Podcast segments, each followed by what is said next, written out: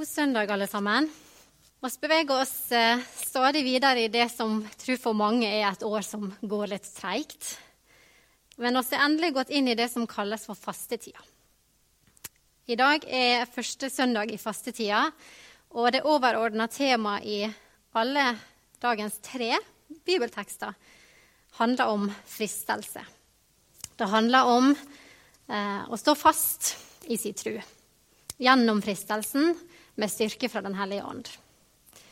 Om å løfte blikket og bli styrka i Gud og det som kommer fra Han, og ikke gjennom oss sjøl. Og at vi skal få mot til å velge det som er rett. Vi skal starte med å, velge, med å lese deler av dagens tekster fra første Mosebok, første Korinterbrev og også den tredje teksten som tilhører første søndag i fastetida, Matteus 16, 21-23. Vi skal lese de siste to versene i første Mosebok 4. Herren sa til Kain, Hvorfor er du harm, og hvorfor ser du ned? Hvis du vil gjøre det gode, kan du se opp. Men hvis du ikke vil gjøre det gode, ligger synden klar ved døren. Den ønsker makt over deg, men du skal herske over den. Første Korinterbrev 10, 10-13. La oss ikke være misfornøyde og murre slik noen av dem gjorde, de som ble drept av ødeleggeren.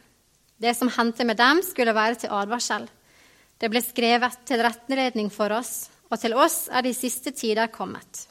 Derfor må den som tror han står, passe seg så han ikke faller. Dere har ikke møtt noen overmenneskelig fristelse, og Gud er trofast. Han vil ikke la dere bli fristet utover evne. Nei, når dere blir fristet, vil han vise en utvei, slik at dere kan holde ut. Og Matteus 16, 21-23. Fra da av begynte Jesus Kristus å gjøre det klart for disiplene sine at han måtte dra til Jerusalem, og at de eldste, overprestene og de skriftlærde skulle la ham lide mye. Han skulle bli slått i hjel, og den tredje dagen skulle han reises opp. Da tok Peter ham til side og ga seg til å irettesette ham. Gud fri deg, Herre, dette må aldri hende deg. Men Jesus snudde seg og sa til Peter, Vik bak meg, Satan. Du vil føre meg til fall. Du har ikke tanke for det som Gud vil, bare for det som mennesker vil. Og så er bare mennesker. Og så er i det store bildet ganske små og er en del av ei lang, lang historie med andre mennesker. Og I dag så vil jeg komme med en påstand. Du kan være enig eller du kan være uenig, men jeg skal komme med en påstand om vårt menneskelige natur. For jeg tror at oss mennesker har en tendens til å automatisk søke etter det som er behagelig. Har vi et valg mellom to, så vil de aller fleste av oss velge det som er det mest behagelige alternativet. Ofte også det enklere alternativet. Vi har nok unntak fra dette, men som en generell tanke i dag så trakter oss mennesker etter velbehag.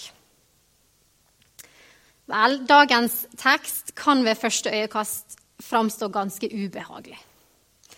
Overskriftene til disse tre skriftstedene heter ikke mindre enn 'Du skal være herre over synden', 'Ingen overmenneskelig fristelse' og om lidelsen og Peters protest. Så synd, fristelse og lidelse og jeg tror det er nok til dels riktig, for Gud ønsker nok å gjøre oss oppmerksom på noen sider ved troslivet som vi bør være bevisst på.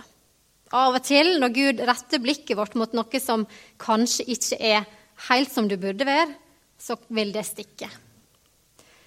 Samtidig så tror jeg det er en slags tosidig, eh, et tosidig budskap i dagens tekst. Den første delen av dagens tale vil derfor handle om temaet fristelse mens den andre delen har gitt et overordna tittel om frimodighet. Fristelse og frimodighet. Det har blitt sagt at lidelse vil enten drive deg som en spiker inn i Guds kjærlighet eller bort fra hans favn. I bunn og grunn kan vi kanskje si at lidelse vil enten gjøre deg bitter eller bedre. Fastetida i seg sjøl er en, som en invitasjon til å møte Jesus i vår og hans lidelse. Den kan drive deg mot Gud og minne deg om at Jesus deler vår fristelse og lidelse, og oss får ta del i hans. Alt med samme mål og mening at vi skal bli mer lik Kristus. Nå er jeg engelsklærer og er over gjennomsnittet glad i eh, ords opprinnelse. Eh, og det engelske ordet for faste, lent, kommer faktisk fra et gammelt engelsk ord som betyr vår. Altså årstiden vår. Og på mange måter som våren følger et mønster for vær, planter, spire, mer lys, så følger også fasten et slags, mønster. Et mønster som inneholder faste, bønn, overgivelse, giverglede. Når du kommer inn i fastetiden, så er du kanskje av de som velger å gi opp ting. Noen gir opp sosiale medier, noen gir opp godteri. Noen innfører kanskje kjøpestopp. Jeg kom over et, det som skulle være et, eh, et humoristisk bilde eh, av fastetiden her en dag, der det sto This year for Lent, I'm giving up. Dette året i fastetiden så gir jeg bare opp. Det er kanskje en del av oss som kjenner spesielt på denne følelsen etter det året vi har hatt.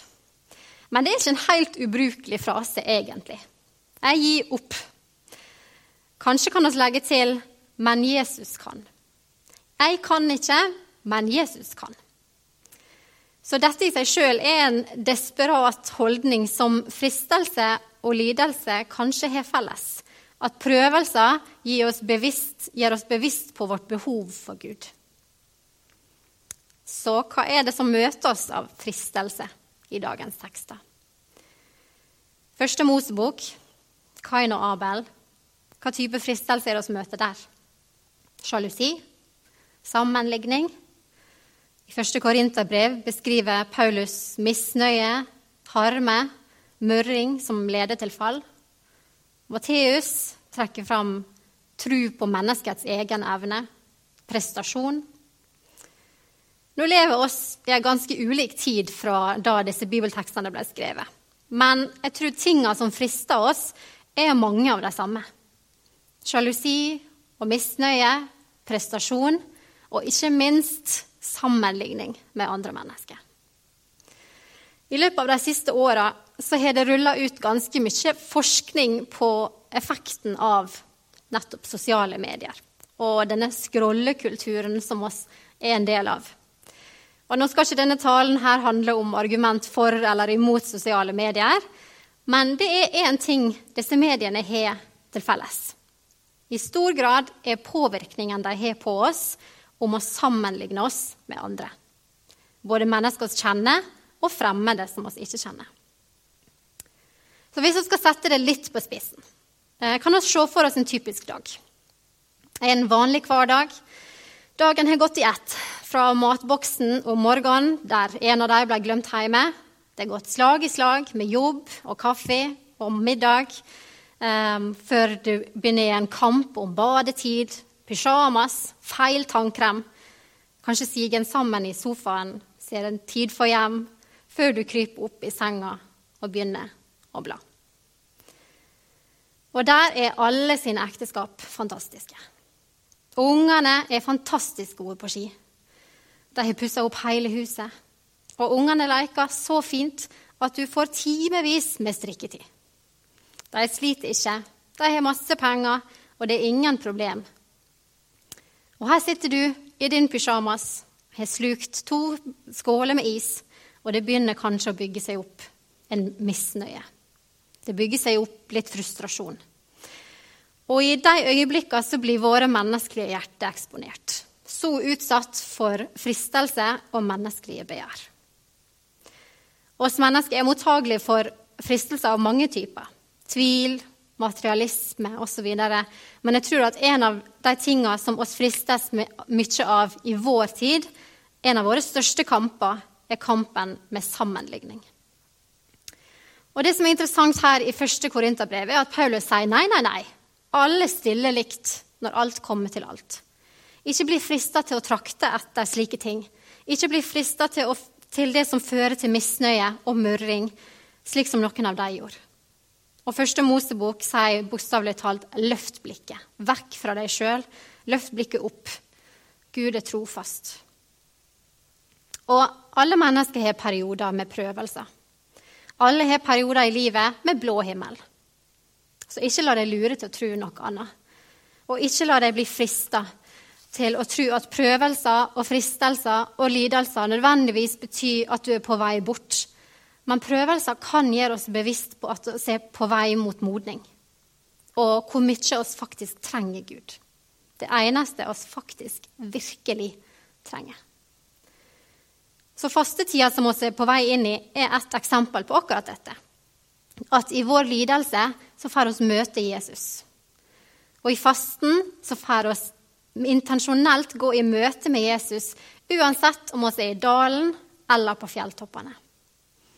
Så det er et utrolig bilde på fasten. Ikke bare at Jesus identifiserer seg med oss i fristelsen og i lidelsen, men at oss er invitert til å delta sammen med han. Så dagens bibelvers gir oss obs på hva som kan friste oss, obs på å løfte blikket og ha tanke for det som Gud vil, og ikke det som mennesket vil. Men samtidig så gir dagens tekst noen ord til oppmuntring. Og Gud er trofast. Han vil ikke la dere bli fristet over evne. Nei, når dere blir fristet, vil han vise en utvei, slik at dere kan holde ut. Fra dette bibelverset så kan en lese at styrken i fristelsen vil være proporsjonal med den styrken Gud gir oss til å stå imot. Og Mange tolker dette verset til å bety at Gud vil ikke la vonde ting skje med deg som du ikke kan klare å håndtere sjøl. Men det er nok ikke det Paulus mener. I 2. Korinterbrev 1 skriver han at han på sine reiser i Asia var utsatt for større trengsel enn han var i stand til å bære. Han tvilte på at livet sto til å redde. Paulus hadde levd det. Han hadde opplevd det, og han visste at i disse situasjonene så var det ingenting annet enn Gud og Guds styrke som kunne hjelpe han. Så vet vi at Gud tillater fristelser. Han er jo Gud, han kan vel stanse fristelser, alle fristelser, for å komme inn i mine tanker. Men det gjør ikke han. Det er en mening med fristelsene, selv om det kan være vanskelig å se. Så hvorfor tillater Gud fristelser? Svaret kan vi også finne i 2. Korinterbrev 1. Han fridde oss og frir oss fra så svær en dødsfare, og vi har det håpet til ham at han også heretter vil fri oss. Når vi ikke er i stand til å utfri oss sjøl, så kan Gud. Når vi ikke klarer å holde oss sjøl oppe pga. presset og trengselen, vil det være Guds styrke som er i oss. Gud vil bruke våre vanskelige tider til sin ære og vårt beste. Forkynneren sier at Gud gjør alt vakkert til sin tid. At Gud tar de kaotiske, mørke og meningsløse situasjonene og bruker dem til noe vakkert. Så oss kan gå frimodig fram i visshet om at Gud er trofast. Så Ikke minst må vi huske de ordene fra 1. Korinterbrev 10-13 som en overskrift over både fristelsene og lidelsene som er så mektig illustrert gjennom faste og etter hvert påsketidenes bibeltekster. At Gud er trofast. Når Jesus ble frista i ørkenen, så lover ikke engelen å ta smerten bort fra Jesus. Det var ingen løfte om å ta bort ubehaget umiddelbart, som om et prøvelsesfritt liv var målet. Men som nevnt, i vår naturlige menneskelighet så ønsker oss ofte at det er denne typen løfte som skal være gitt oss. Men oss trenger en annen hjelp. En hjelp som ikke alltid tar bort lidelsene, og fristelsene og motgangen, men en hjelp som gir oss styrke og tro og utholdenhet til å stå fast når vi står midt oppi det. Med øynene løfta og fokusert på et annet utfall enn bare fravær av lidelse. Jesus hadde et bedre løfte foran seg, til og med når han satt i fortvilelse og bekjente sine lidelser for Gud i Getsemane. Han hadde en større glede foran seg, et håp om det som skulle komme, et løfte om glede og triumf. Han ville ikke kunne gå forbi korset. Han ville ikke kunne gå forbi brutaliteten som kom med korset, men han hadde et løfte om at det ville være verdt det. Så er oss i inngangen til fastetida. Og fastens disiplin er ikke meint til å skulle være enkel.